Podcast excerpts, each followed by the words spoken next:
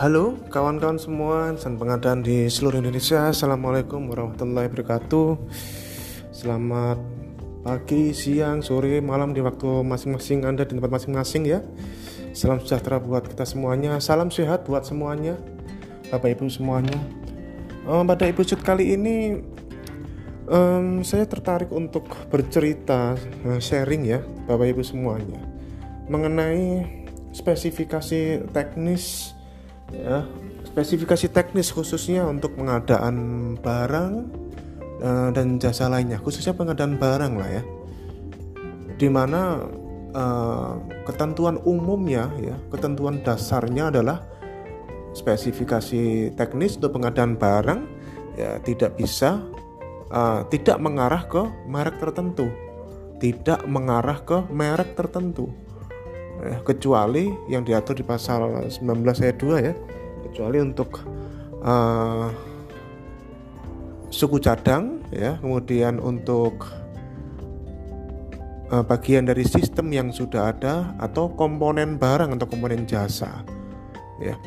Nah mengapa saya bikin episode ini terkait dengan merek ini? Karena beberapa hari terakhir ya sebenarnya dulu-dulu juga sudah ada ya beberapa hari terakhir ini uh, saya di, di, dimintai konsultasi. Ada ada beberapa dari pelaku usaha itu berkonsultasi dan mengeluhkan ya. Mengeluhkan uh, banyak beberapa pokja dan di sini saya juga tidak uh, menyebutkan dari pokja mana pun ya. Silahkan kita berintrospeksi diri. Itu ditemukan kalau uh, bahwa dokumen spesifikasi ini memang sih ya memang ya. Nggak nyebut merek memang. Tapi hanya menghilangkan uh, mereknya saja gitu ya. Jadi brosurnya isi brosur yang dalam satu barang ya merek ditempel di dokumen spek. Mereknya dihilangin terus ditambahin kata-kata setara.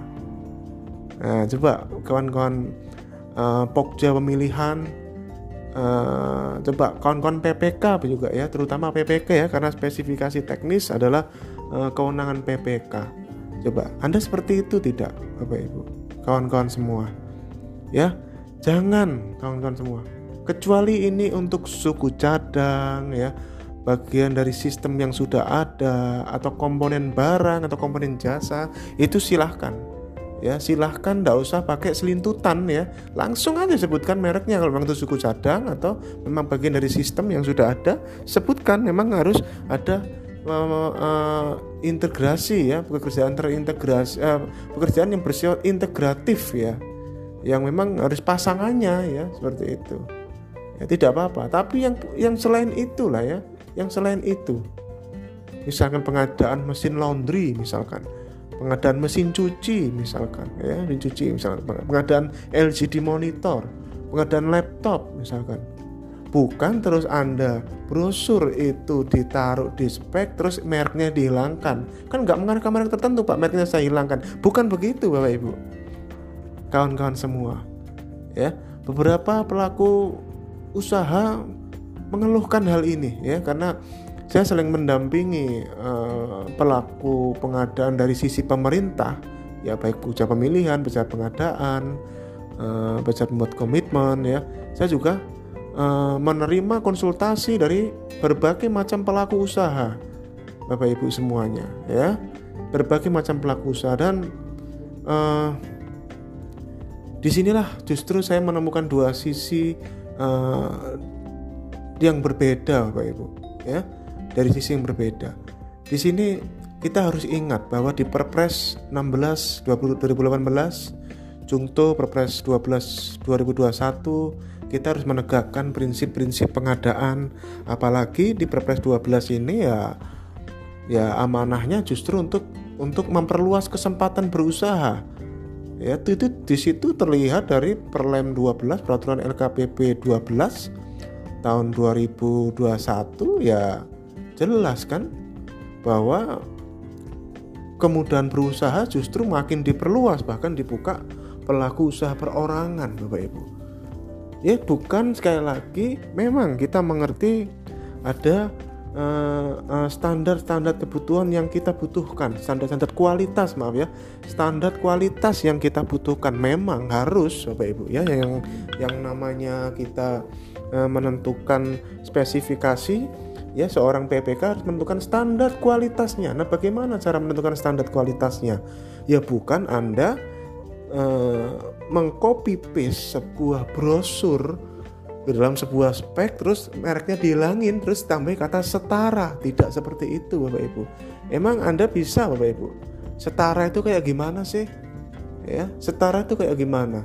Sudah berapa banyak kasus hanya memperdebatkan kata-kata setara Bapak Ibu. Itu nggak jelas. Apalagi barang elektronik ya. Apalagi barang elektronik. Caranya bagaimana?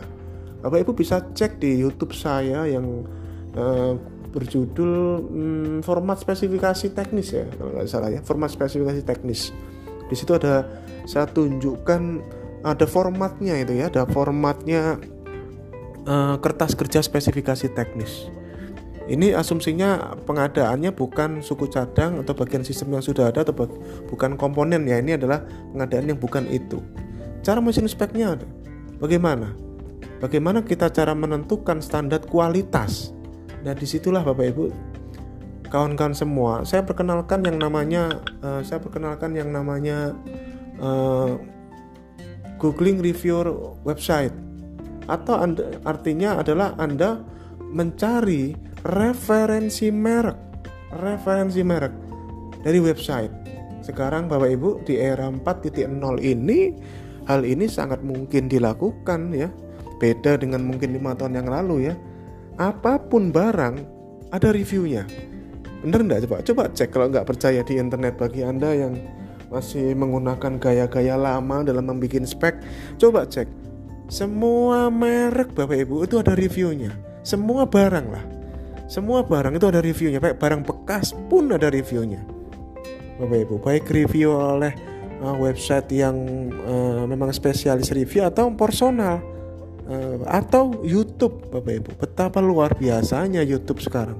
Apa pun dia di review Bapak Ibu itu adalah uh, pendekatan yang saya perkenalkan di YouTube tersebut. Anda bisa cek nanti di situ. Ya saya perkenalkan di situ anda mencari referensi merek itu dulu Bapak Ibu. Di kertas kerja itu ada contoh template-nya bisa Anda download di uh, apa namanya di deskripsi ya berupa link Google Drive ya. Saya minta anda download aja bapak ibu. Jangan minta akses untuk edit. Download aja baru setelah itu silahkan anda apa apa kan terserah. Ya tapi jangan minta edit di Google Drive nya bapak ibu ya. Anda download anda tinggal download. Itu target pertama adalah kita menentukan kawan-kawan ya. Referensi merek 2 sampai 5 merek. Katakanlah seperti itu. Pak dua boleh Pak. Boleh sakarap sampean. Tiga boleh boleh. Sepuluh juga boleh gitu ya. Dari berbagai macam uh, portal-portal reviewer Bapak Ibu. Kalau kalau favorit saya ya mybase.id itu ada di YouTube saya dan bisa lihat itu mybase.id itu salah satu favorit saya itu ya karena kalau mereka itu mereview suatu barang itu dilengkapi dengan sumber informasi toko online-nya Bapak Ibu sekarang apa sih nggak dijual di toko online? Bener nggak Bapak Ibu? Kawan-kawan semua, apa yang nggak dijual di toko online? Semuanya sekarang dijual di toko online. Ya, setelah Anda menemukan referensi merek 2 sampai 5 merek, Anda tentukanlah ya uh, merek dan tipenya. Anda masukkan ke kertas kerjanya itu. Itu yang dicontohkan saya, saya contohkan itu Asus sama HP kalau tidak salah ya. Itu hanya hanya, hanya untuk contoh. Bukan saya mau promosi Asus sama SP nya bukan itunya. Supaya saya memberikan contoh real. Itulah. Anda tentukan 2 sampai 5 merek dan tipe tentukan di situ ya. Yang memang pagu uh, uh, sesuai dengan harganya yang pagu sesuai dengan pagu dan HPS-nya ya. Jangan terlalu rendah pula Bapak Ibu. Misalkan Anda dikasih ke uh, dikasih anggaran satu unit laptop itu harganya 20 juta umpama sama bagian perencanaan. Ya tentukan dengan kebutuhan Anda. Kebutuhan Anda ya yang dekat-dekat harga 15 juta ke atas lah. Ya jangan pula cari-cari yang harga 5 jutaan ya rugi Bapak Ibu. Yang ngapain terus eh, bagian perencanaan mah eh, nganggarkan pada Anda 20-an juta? Itu pasti ada pertimbangan. Karena dalam menentukan uh, dalam menentukan harga ya dalam menentukan uh, nilai nilai satuan rupiah di anggaran di POK DIPA kita itu uh, biasanya bagian perencanaan sudah memiliki standar ya. Oh kalau di BMKG itu laptop administrasi harganya sekian puluh sekian puluh juta. Kalau yang untuk yang laptop teknis harganya sekian sudah ada begitunya ya. Itu namanya uh, uh, pendekatan yang dari atas ya top down kemudian yang kita kombinasikan dengan pendekatan bottom up yaitu dikombinasikanlah dengan informasi dari internet itulah perbedaan revolusi industri 4.0 Bapak Ibu semua sekali lagi apa pun semua bisa direview Nah, itu ya tentukan setelah itu. Nah, setelah ada misalkan saya contohkan di situ ada dua merek ya, merek dan tipenya. Ya, misalkan Anda bisa lima ya, misalkan yang harganya ya nggak jauh-jauh beda lah ya. Ya misalkan ya jangan terus Anda bandingkan Apple sama Asus ya itu nanti jomplang Bapak Ibu ya. Yang mirip-mirip lah yang harganya ya. Yang mirip-mirip itulah yang kita katakan setara versi kita yang sejak awal sudah kita uh, sudah kita standarkan, kita sudah setting standar minimal mana yang kita mau pakai ini. Ya, misalkan kalau misalkan uh, prosesor Core i5 kalau di AMD menggunakan AMD Ryzen 3 prosesornya. Misalnya seperti itu. Benar nggak Bapak Ibu? Koreksi jika salah. Ya, prosesor Core i5 kalau pakai Windows, kalau pakai AM, uh, eh, Intel ya, kalau pakai AMD ya uh, eh, AMD Ryzen 3. Nah, seperti itu itu maksudnya. Jadi jangan ngomong setara gitu. Itu akan menjadi sumber masalah nanti pada saat proses pemilihan. Langsung tentukan standarnya. Nah, kalau sudah ditentukan standar uh, apa pilihan referensi merek dan tipenya, maka buatlah parameter teknis kawan-kawan semua yang mengakomodir merek dan tipe yang tadi Anda jadi rujukan dan Anda tetapkan di kertas kerja tadi. Mengakomodir, saya kasih contoh mengakomodir itu contohnya tadi itu prosesor. Merek A prosesornya menggunakan Intel Core i5. Ya. Merek B menggunakan prosesor AMD Ryzen 3. Maka di pada dokumen spesifikasi ditulis prosesor Core i5 atau AMD Ryzen 3 gitu. Jadi prosesor Core i5 masuk yang nawarin uh, prosesor AMD Ryzen 3 ya masuk gitu. Itu loh yang disebut dengan uh, tidak mengarah ke merek tertentu tapi kita mempertahankan kualitas. Ada yang mengkritik saya Pak ya nggak bisa gitu dong. Kita kan sudah tahu apa yang memang memang maunya begitu Bapak Ibu ya maunya saya begitu ya. Uh, spek itu mengarah ke satu merek aja maunya. Kalau anda tidak percaya ada video YouTube saya itu uh, tahun lalu kalau nggak salah itu seandainya spesifikasi itu dapat menyebutkan merek. Tapi apa boleh buat bapak ibu ya? Kita belum seperti itu ekosistem pengadanya ya kita uh, membuka kompetisi tapi kita yang yang mbak uh, yang menentukan standar kualitasnya dengan kertas kerja itu Bapak Ibu. Kan tidak mengarah ke merek tertentu kalau seperti itu. Mengarah ke dua merek tiga merek lima merek tidak ada masalah. Karena ketentuannya tidak boleh mengarah ke merek tertentu. Ya makanya kita rekom di sini ya carilah referensi 2 sampai 5 merek. Kemudian akomodir Bapak Ibu. Seperti itulah yang dimaksud. Jadi bukan main bukan main copy paste ke brosur terus mereknya dihilangkan ditambahin kata setara Bapak Ibu. Karena menurut uh, keluhan dari berbagai macam pelaku usaha banyak dan sayangnya di, di kementerian lembaga Bapak Ibu. Sayangnya. Sayang Bapak Ibu ya. Tidak seperti itu. Ya tidak seperti itu. Oke? Dan tentunya kita belum berbicara persyaratan penyedia ya persyaratan teknis tentunya itu harus bisa diakomodir oleh lebih dari satu merek tersebut ya. Seperti ini seperti itu. Oke. Ya semoga ini sharing dari saya bapak ibu. Sekali lagi seperti pada uh, trailer podcast saya bapak ibu. Kawan-kawan semua ambil bagian yang mau am anda ambil abaikan bagian yang tidak mau anda dengar.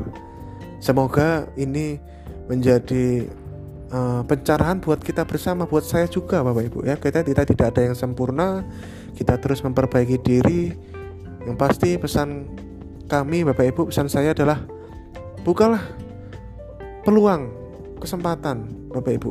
Buatlah kompetisi yang baik ya. Buatlah kompetisi yang baik ya. Dengan tetap membatasi kualitas kita karena kita pembeli Bapak Ibu kita pembeli. Dan pembeli adalah raja yang kita rasakan sekarang apa kalau di pengadaan kita sekarang? Penjual adalah raja. Benar enggak kita gimana kita challenge Bapak Ibu? Kita rubah pembeli dan raja. Kita batasi referensi-referensi mereknya. Berdasarkan review-review tadi kumpulin banyak. Sudah punya portal YouTube ya. Uh, Anda cari aja kata laptop terlaris 2021 misalkan LCD terlaris 2021 banyak itu Bapak Ibu. Ya yang eh, kata-kata uh, terlaris terbaik itu banyak. Ya silahkanlah nanti anda anda dan anda dokumentasikan dengan baik. Anda dokumentasikan dengan baik. Semuanya sah. Ya semuanya review itulah metode uh, cara uh, agar membuka kompetisi. Ya ketentuannya dipenuhi tapi standar kualitas kita juga terpenuhi gitu. Dua sisi. Ya jangan pula kita terlalu membuka jangan mau kawan-kawan semua. Jangan mau terlalu membuka. Emang apaan? Ini uang rakyat. Kita dikasih amanah bapak ibu. Ya kita harus punya standar kualitas. Karena tapi kompetisi ada. Yang penting adalah tidak mengarah ke merek tertentu. Gitu. Oke? Sukses buat kawan-kawan semuanya ya. Jaga kesehatan. Salam sejahtera buat kita semuanya. Assalamualaikum warahmatullahi wabarakatuh. Salam pengadaan. Um, jadilah pelaku pengadaan, bukan pemain pengadaan.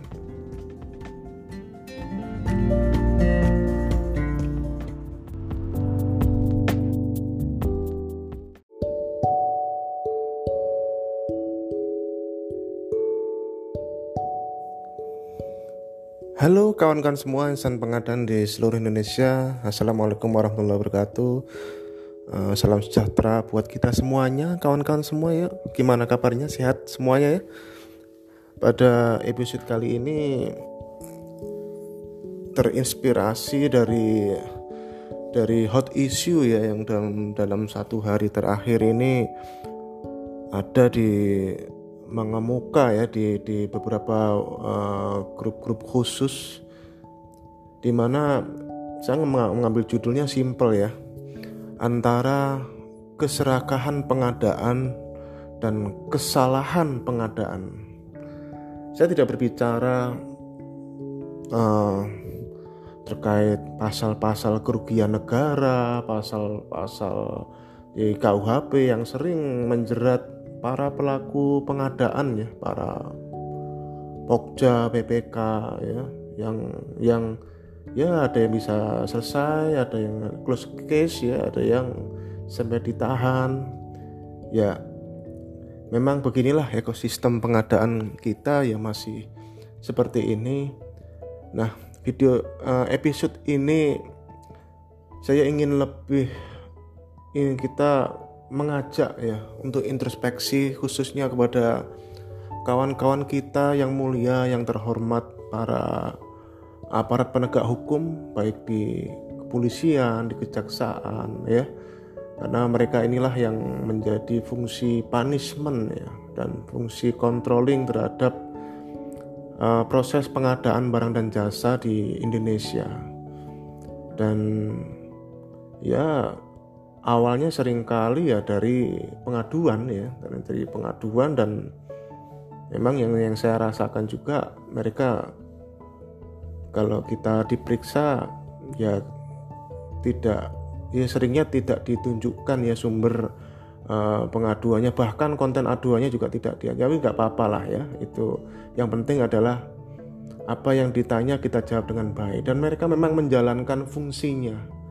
Ya mereka saya bisa memahami ya di posisi mereka ada saja ya pengaduan-pengaduan entah dari personal dari internal instansi atau dari LSM ya banyaknya cuma yang ingin kita in, jadi introspeksi mengajak untuk introspeksi bersama kali ini adalah ayo kita berharap nih ya bisa uh, belajar ya termasuk saya juga belajar membedakan kesalahan pengadaan dengan keserakahan pengadaan. Dan mengharap yang dicari adalah keserakahannya itu ya keserakahannya kita sekali lagi nggak berbicara pasal-pasal kerugian negara memperkaya orang lain itulah sudahlah.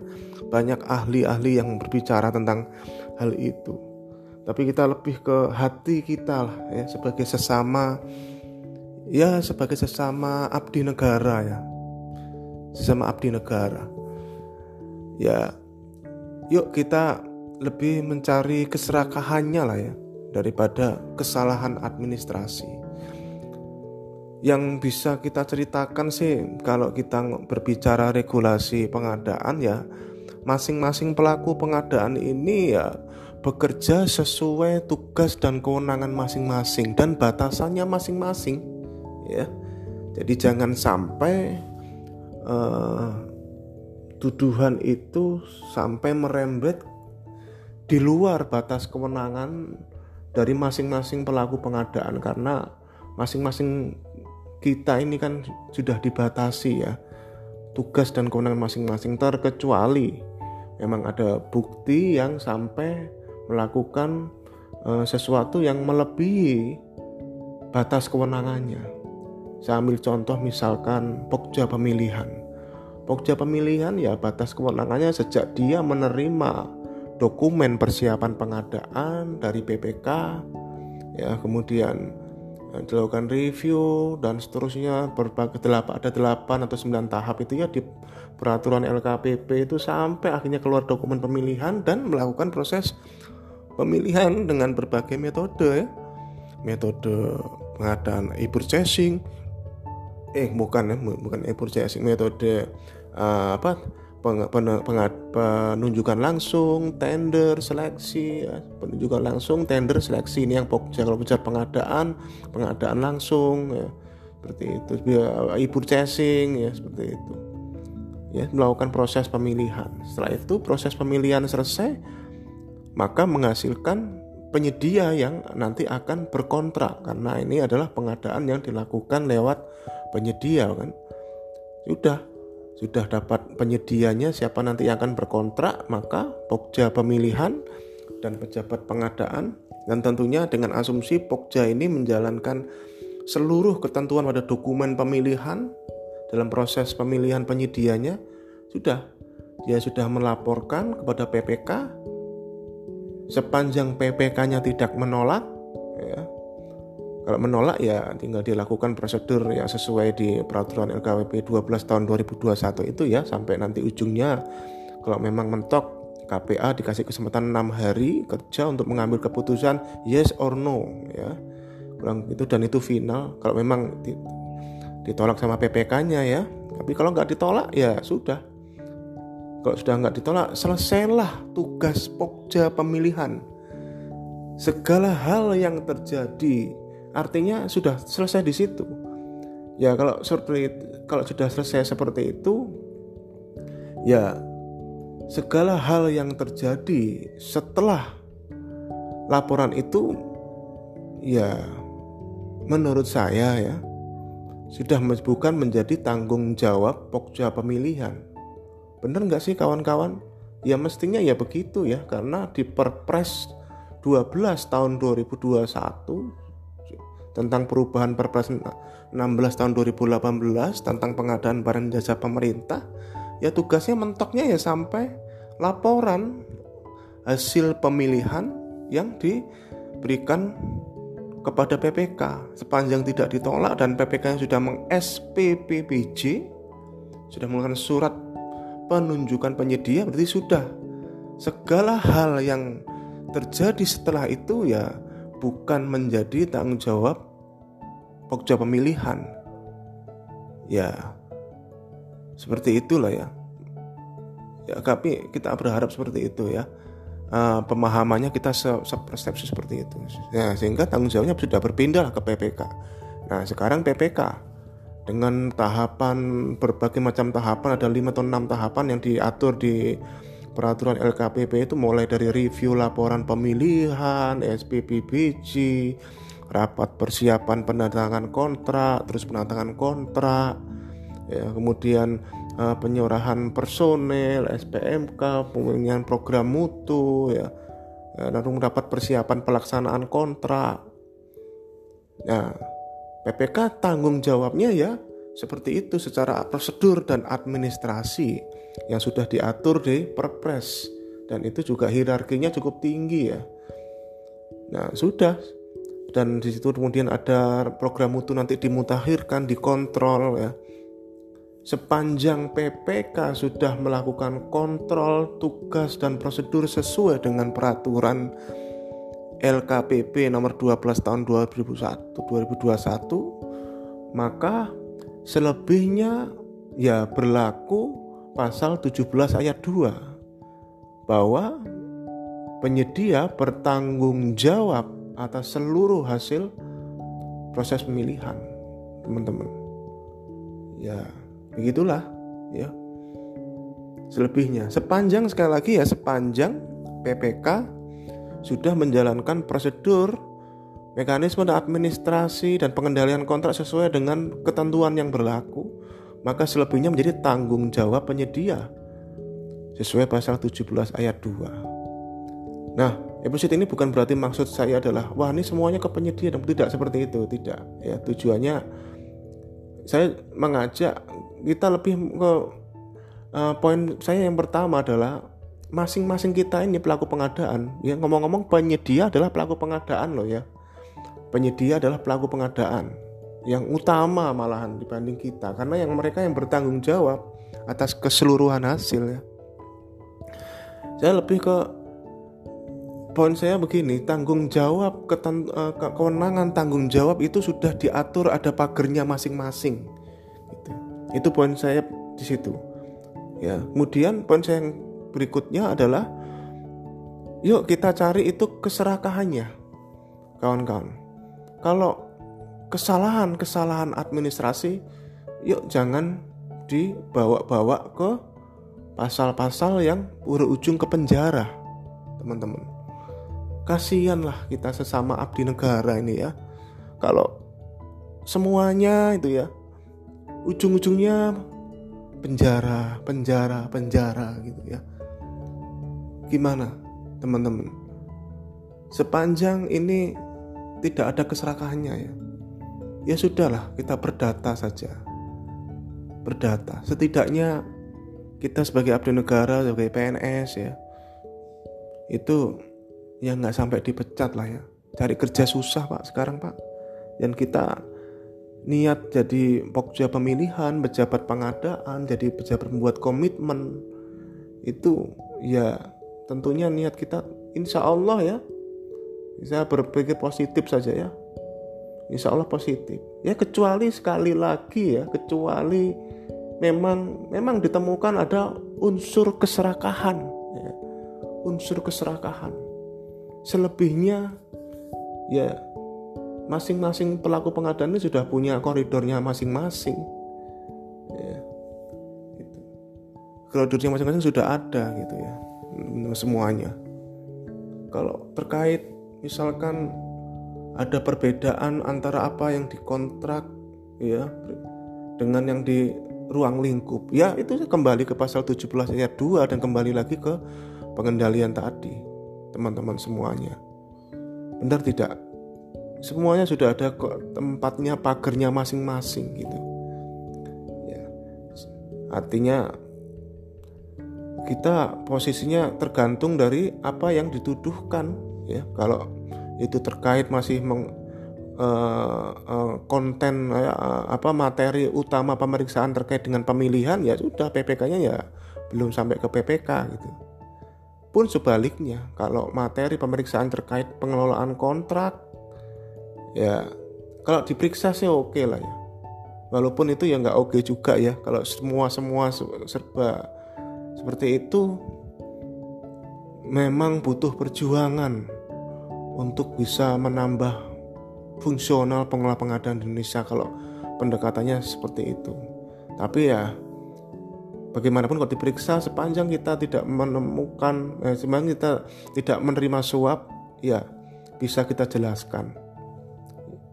Yang penting kalau kita ada kesalahan ya sudahlah itu kesalahan administrasi yang mestinya adalah berdata tidak dihubung-hubungkan ke pasal kerugian negara memperkaya orang lain. Karena itu pasal yang luar biasa dan apa pun kesalahan kita bisa dihubungkan ke situ.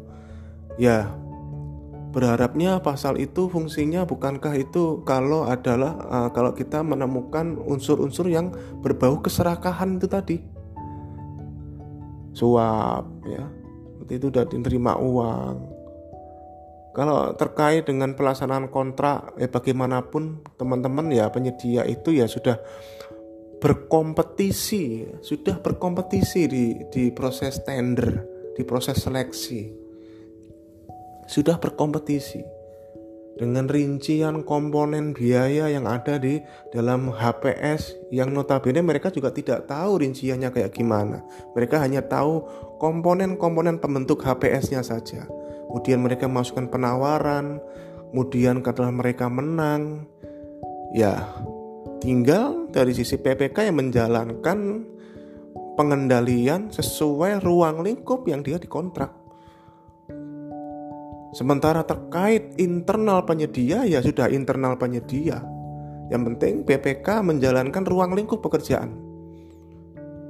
Kalau dia sudah menjalankan ruang lingkup pekerjaannya, ya apa pun dia berhak dibayar sebesar yang dia dikontrak. Ruang lingkup pekerjaannya sudah dia lakukan. Ruang lingkup pekerjaannya sudah dia lakukan. Ya. Internalnya setelah penyedia itu menerima bayaran dari uh, PPK internalnya itu mau dikasih ke siapa, mau dikasih ke internal stafnya siapa itu sudah bukan urusan PPK lagi. Yang penting PPK ruang lingkup pekerjaannya sudah dilakukan sesuai kontrak. Selebihnya sudah dibayar ya sudah. Mau ke mana itu uangnya? Yang penting ya kita urusan masing-masing ya. Gitu ya. Jangan sampai kita menerima suap dan dan materi pemeriksaannya terkait itu pula lah itu berarti unsur keserakahannya ada ya, unsur keserakahannya tapi kalau ya tidak ada unsur keserakahannya tidak ada bukti unsur keserakahannya ya mohonlah ya. Kita yuk kita sesama abdi negara mengajak kita ingin pengadaan barang dan jasa ini uh, berjalan dengan baik ya berjalan dengan baik. Saya fungsional PBJ Madia sebagai uh, ketua bidang pengembangan profesi. Cukup kesulitan untuk menambah jabung. Ya karena takut. Coba kalau posisinya dibalik kira-kira. Cukup. Padahal kita ingin membangun sama-sama ya kita sama abdi negara ingin membangun negeri ini ya. Kalau anda lihat episode sebelumnya niat saya ya setiap barang dan jasa saya ingin itu menjadi pahala jariah buat saya. Ya ya sekali lagi ini uh, saya berpikir positif saya uh, kita bedakan antara kesalahan dan keserakahan. Bapak Ibu saya punya akun YouTube yang Anda bisa lihat di Agus Sarif Rahman. Berbagai macam format template aturan uh, apa namanya strategi-strategi pengendalian kontrak kemudian uh, sampai ada strategi standar daftar isi untuk tata urutan dokumentasi. Apa dikira kalau saya kerja itu ada uh, pasti nggak ada yang salah? Ya mungkin ada yang salah walaupun menurut saya insya Allah saya rapi bapak ibu. Tapi tidak ada manusia yang sempurna bapak ibu. Kalau kesalahan administrasi ya misalkan tanggalnya eh keliru sehari misalnya. Ya nomor suratnya eh bulan nomor, nomor suratnya misalkan. Seperti itu. Ya administrasi seperti itu. Ya sementara kita sendiri saja kalau pokja pemilihan kan ada di IKP itu bunyinya pokja dilarang menggugurkan uh, penyedia dengan alasan yang tidak substansial kurang lebih begitu ya. Ya mau nggak nggak terlalu substantif lah. Nggak bisa digugurkan. Ya kita bekerjanya seperti itu. Ya mbok yo ya juga sama ya kita sama abdi negara. Sekali lagi kita ingin membangun negara ini pengadaan yang berkualitas ekosistem yang konstruktif di mana fokus ke pencari keserakahannya bukan di kesalahan administratifnya. Kalau kesalahan administratif selesaikan dengan berdata itu yang benar-benar ya angen-angen lah ya. Ya entahlah ini terjadi mungkin lima tahun lagi 10 tahun lagi 20 tahun lagi. Ya seperti supaya Ya ini sekali lagi Bapak Ibu semuanya yang mendengarkan episode kali ini ini menjadi bahan introspeksi saya pribadi Bapak Ibu ya. Dan kita semuanya barangkali bagi Anda ya. Semoga tidak ditanggapi hal yang negatif tapi tanggapilah hal yang positif yuk kita membangun sama-sama negeri ini teman-teman semuanya ya dengan semangat yang positif ya. Ya sepanjang Uh, dan kita terus memperbaiki makanya saya bikin akun, akun YouTube itu Bapak Ibu. Sampai saya minta teman-teman kominfo satu saat saya saya sudah diambil yang maha kuasa ya jangan itu mohon dijaga akun YouTube saya dan Google Drive saya yang ada di situ supaya bisa dimanfaatkan supaya kita dokumentasinya rapi. Ya sudah. Terus kalau memang dokumentasinya rapi itu pasti rapi. Ya belum tentu cuy. Belum tentu pak kita manusia pak apalagi kalau kita ini pokja terus di, kasih paket sampai puluhan ratusan puluhan di waktu bersamaan misalkan atau beberapa paket di waktu bersamaan. Kesalahan-kesalahan ketik kesalahan-kesalahan administrasi itu kemungkinannya pasti ada teman-teman semuanya. Yang penting prosedur substansialnya jangan sampai terlanggar aja. Misalkan uh, salah membuat persyaratan misalkan ya itu fatal ya persyaratan karena sudah diatur ya dan eh, apa-apa yang sudah disyaratkan ternyata evaluasinya tidak sesuai. Nah kayak gitu lain kan bapak ibu ya. Berbeda lah kalau yang itu ya. Dokumennya salah dokumen pemilihannya aja salah misalnya. Ya seperti itu. Ya misalkan dokumen pemilihan jasa konsultan konstruksi dipakai untuk jasa konsultan non konstruksi atau kebalikannya. Eh, karena ketentuannya berbeda. Itu nah kayak gitu gitu itu substansi bapak ibu bila hal-hal yang bukan terkait itu ya ya kemungkinan tuh pasti ada pak. Kita manusia biasa pak. Kita bukan robot pak ya. Ya pasti ada lah. Nggak mungkin. Yang penting adalah prosesnya dijalankan tanpa ada keserakahan dan tahapan substansial tahapan kritikalnya dijalankan sesuai ketentuan. Itulah yang penting Benar bukankah seperti itu Bapak Ibu? Karena yang menjalankan ini semua bukan mesin. Kita semua manusia Bapak Ibu. Yuk kita mengajak ya. Kita yuk kita bisa mengajak untuk bisa membedakan ya mana keserakahan, mana kesalahan teman-teman semuanya. Ya. Oke. Sekali lagi saya tidak berbicara tentang pasal-pasal kerugian negara memperkaya orang lain dan dan seterusnya. Banyak ya banyak yang uh, apa tentangkan ya. Malah saya itu berangan-angan ya teman-teman semua. Seandainya kita ini kan diminta harus punya kompetensi nih ya. Harus punya kompetensi ini itu ini. Apalagi yang jafung ya. Uji kompetensi yang luar biasa. Malah yang diperpres sekarang yang non jafung pun juga dituntut punya sertifikat kompetensi saya cuma menyayangkan satu hal, kenapa itu tidak dipersyaratkan untuk para pemeriksa kita yang menjalankan fungsi kontrol kepada kontrol kepada kita. Teman-teman, yaitu para auditor kita dan para penyidik-penyidik kita sama-sama punya sertifikat kompetensi. Jadi balance wawasan, kemampuan, kompetensinya itu balance, persepsinya itu yang penting. Kalau Kem, uh, kalau kemampuan mungkin nggak balance ya, tidak tidak bisa sama karena karena kalau uh, aparat penegak hukum dia memiliki ya, sisi yang lain bagaimanapun juga. Tapi setidaknya persepsi dalam mengambil keputusan atas apakah ini salah atau tidak salah atau serakah atau tidak serakah dalam satu prosedur pengadaan barang dan jasa setidaknya sama lah karena untuk mendapatkan sertifikat kompetensi itu melalui proses-proses pelatihan, proses-proses uji kompetensi dan itu pasti nantinya ya pada saat dia mendapatkan setidaknya ya kita yakini lah ya persepsinya sama ya persepsinya sama wattnya sama gitu setidaknya sudut pandangnya sama dalam dalam prosedur selebihnya biarkan kita masing-masing menjalankan tugasnya. Bapak-bapak para penyidik juga memang tugasnya memang seperti itu ya. Dijalankan setidaknya persepsinya sama. Seandainya ya kompetensi itu juga disyaratkan buat mereka juga gitu ya. Ini semoga episode kali ini ada yang mendengarkan dari dari bapak-bapak yang terhormat dari kepolisian dari kejaksaan dari uh, apa di pengadilan juga hakim pun kalau bisa kalau berharapnya ya punya hakim yang untuk kasus pengadaan barang jasa punya sertifikat kompetensi harapannya. Jadi setidaknya frekuensinya sama, wattnya sama gitu. Tinggal nanti prosesnya masing-masing dari sudut pandang masing-masing dalam mengambil keputusan silahkan, nggak masalah. Gitu. Ya gitu teman-teman. Semoga ini ditanggapi dengan positif ya, tidak bermaksud menyalahkan siapa pun ya. Ini kan ini introspeksi, episode ini adalah episode introspeksi buat saya sendiri.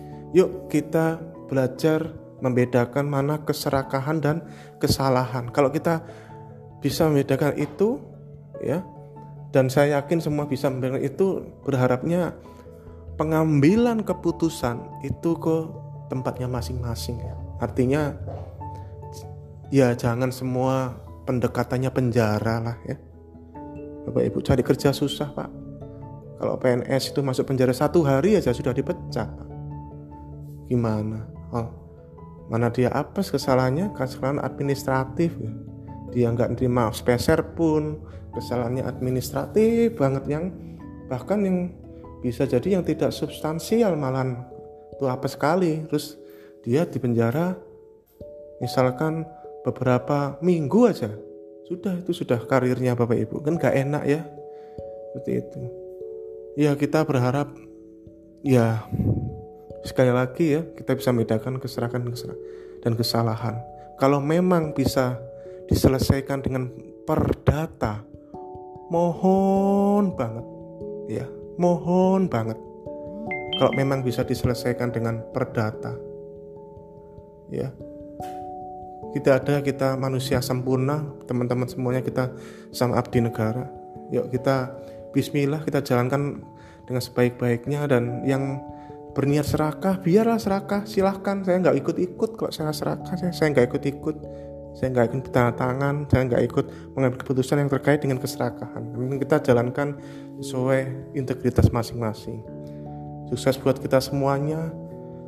Assalamualaikum warahmatullahi wabarakatuh. Salam pengadaan. Jadilah pelaku pengadaan, bukan pemain pengadaan. Sukses buat kita semuanya, jaga kesehatan ya.